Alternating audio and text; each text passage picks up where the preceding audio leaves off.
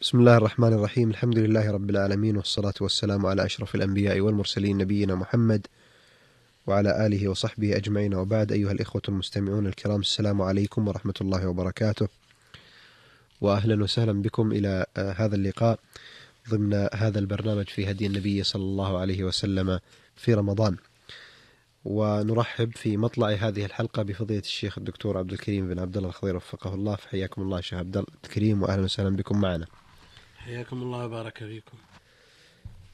أيها الإخوة المستمعون الكرام كان الحديث ولا يزال موصولا حول فضل القرآن الكريم وتلاوته في هذا الشهر العظيم شهر رمضان وعن هدي النبي صلى الله عليه وسلم في ذلك.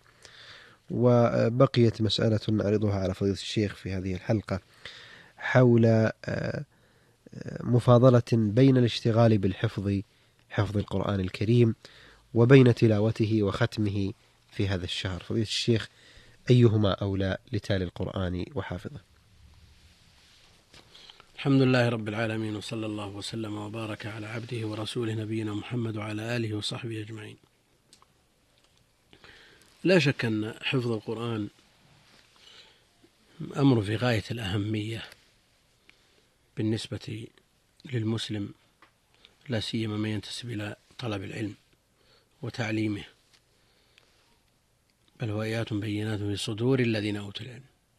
وجاء في وصف هذه الأمة أناجيل في صدورهم فالحفظ أمر مهم وهو ميسر والله الحمد. كما قال جل وعلا ولقد يسرنا القرآن للذكر فهل من مدكر؟ لكن في مثل هذه الأوقات ينبغي للمسلم أن يغتنم وقته في الإكثار من قراءة القرآن.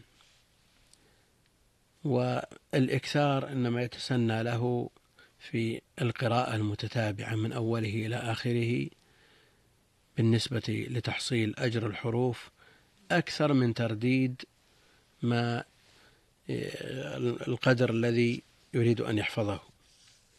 ولو قال قائل أنه في نهار رمضان ينبغي أن يكثر من القراءة وفي ليله ينبغي أن يستغل بالتدبر والترتيل والحفظ لأن هذه تعني المدارسة التي كان جبريل عليه السلام يدارس فيها النبي عليه الصلاة والسلام في ليالي رمضان. فلو آه، رتب الإنسان لنفسه حزبا معينا للنهار يقرأه قراءة ورتب له قدرا من آه، القرآن يحفظه بالليل ويتفهمه ويتدبره ويراجع عليه ما يشكل من كلام أهل العلم لا أتى بال بالحسنين معا على على تقديري نعم.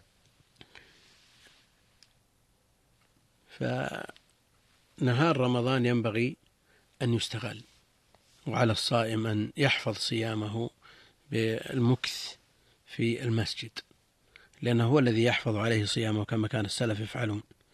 والذي يقول ابن عبد القوي رحمه الله وخير مقام قمت فيه وحلية تحليتها ذكر الإله بمسجد. القرآن أفضل الأذكار لا شك. هو الكتاب الذي من قام يقرأه كأنما خاطب الرحمن بالكلم. على كل حال ينبغي لطالب العلم أن يحرص وللمسلم عموما أن يحرص على الإكثار. من قراءة القرآن في هذا الشهر وفي غيره في هذا الشهر وفي غيره. لكن قد يقول قائل أن القراءة المتتابعة ميسرة بالنسبة لي والتكرار والترتيل والتدبر والحفظ أمر صعب شاق لا شك أن هذا آه، يخضع للعادة يخضع للعادة. فمن اعتاد القراءة نظر وحدد له وقت طول وقت طويل يعني خلال مدة طويلة يحدد له ورد معين في في يومه وليلته. مثل هذا يصعب عليه أن يكرر. لكن من تعود التكرار وحاول أن أن يحفظ ويفهم ويتدبر فهذا أمر ييسر عليه إن شاء الله تعالى. كما أن القرآن كله وما يتعلق به ميسر. كما قال جل وعلا ولقد يسرنا القرآن للذكر فهل من مدكر آه، ابن القيم رحمه الله تعالى له لفتة كأنها مرت في الحلقة الماضية. يقول ولهذا كان أهل القرآن هم العالمون به والعاملون بما فيه وإن لم يحفظوه عن ظهر قلب وإن لم يحفظوه عن ظهر قلب. وأما من حفظه ولم يفهمه ولم يعمل بما فيه فليس من أهله وإن أقام حروفه إقامة السهم.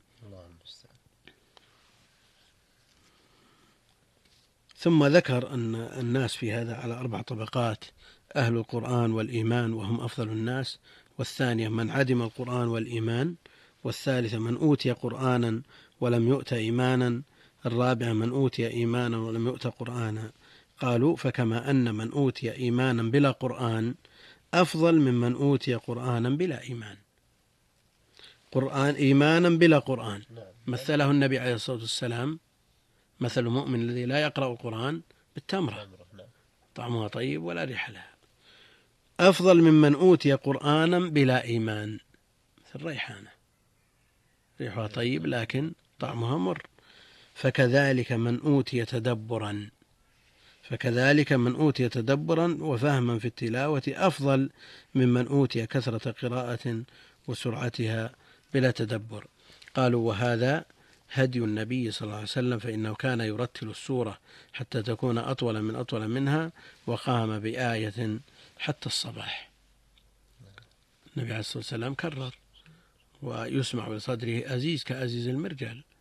ولما استمع إلى قراءة ابن مسعود جاء إلى قوله جل وعلا إذا جئنا من كل أمة بشهيد جئنا بك على هؤلاء شهيدا. يقول التفت إليه فإذا عيناه تذرفان عليه الصلاة والسلام. استمع لقراءة أبي موسى وتلذذ بها ثم قال لقد أوتي مزمارا مزامير آل داود. ومن المؤسف أن بعض الناس يعتب على من يتأثر بالقرآن ويبكي. هذه وقد يقع في نية القارئ. ومثل هذا أمره خطير الوقوع في النيات. يقول هذا يتظاهر ويفعل ويترك ويتخشع أمام الناس. اترك نيته إلى ربه. هلا شققت عن قلبه؟ عليه على المسلم أن يفعل ما أمر به ولا ينظر إلى نيات الناس. أمر ينبغي التنبه له. هناك من عوام المسلمين من لا يحسن القراءة. أمي لا يقرأ ولا يكتب ولا يقرأ القرآن. مثل هذا الحمد لله البيوت مملوءة بمن يقرأ من الذكور والإناث. على مثل هذا أن يأتي إلى ولده أو إلى بنته فيقول اقرأوا علي أو حفظوني من القرآن آية في كل يوم أو بعض آية. هذا يعينه الله سبحانه وتعالى على حفظ ما يستطيع ترديده بقية عمره. أيضا على قارئ القرآن أن لا ينظر إلى نفسه نظرة إعجاب وينظر إلى غيره ممن لا يقرأ. نظرة ازدراء واحتقار. يلاحظ على بعض من يقرأ القرآن إذا نظر إلى شخص وهو يخرج من باب المسجد مبكرا ينظر إليه ويلتفت إليه ازدراء حتى يخرج ذلك من باب المسجد. العجب. العجب فاحذره كما يقول الشيخ حافظ رحمه الله. والعجب فاحذره إن العجب مجترف أعمال صاحبه في سيله العرمي نسأل الله السلامة والعافية. هذا خطير جدا. هذا يوشك أن يحبط العمل. إذا أعجب الإنسان بعمله. وكم من شخص لا يعمل لكنه يأسف على ألا يعمل ولم يتمكن في أول عمره من من طلب العلم أو من قراءة القرآن شغله أمر المعيشة ثم في نهاية عمره يندم على ذلك قد يكون أفضل من بعض القراء. انكسار قلبه. نعم. نعم. ولذا يقول بعض السلف كم من نائم مرحوم نعم وقائم محروم. سببه ما مرده إلى هذا. نعم. هذا هذا إلى عجب هذا, إلى عجب هذا وإلى ندم هذا. الله والله المستعان. نسأل الله عز وجل العفو والعافية.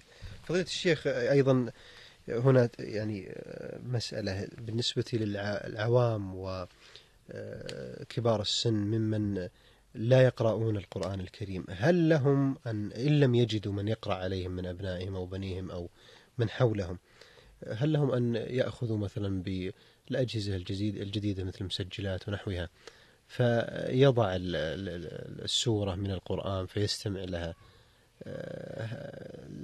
نقول يعني هل من توجيه في هذا الصدد وأنه أيضا هذا من العمل الصالح الذي ينفع صاحب نعم الذي لا يقرأ القرآن بنفسه ولا يتيسر له من يقرأ عليه القرآن مباشرة ويستمع لقراءته كما فعل النبي عليه الصلاة والسلام مع أبي موسى وابن مسعود وغيرهما مثل هذا لا مانع بل ينبغي له أن يتخذ شيئا من هذه الآلات التي بواسطتها يسمع كلام الله ويتدبر ويستمع ويتخشع وليحرص على آه، قراءة القارئ الذي يؤثر فيه الذي يؤثر فيه.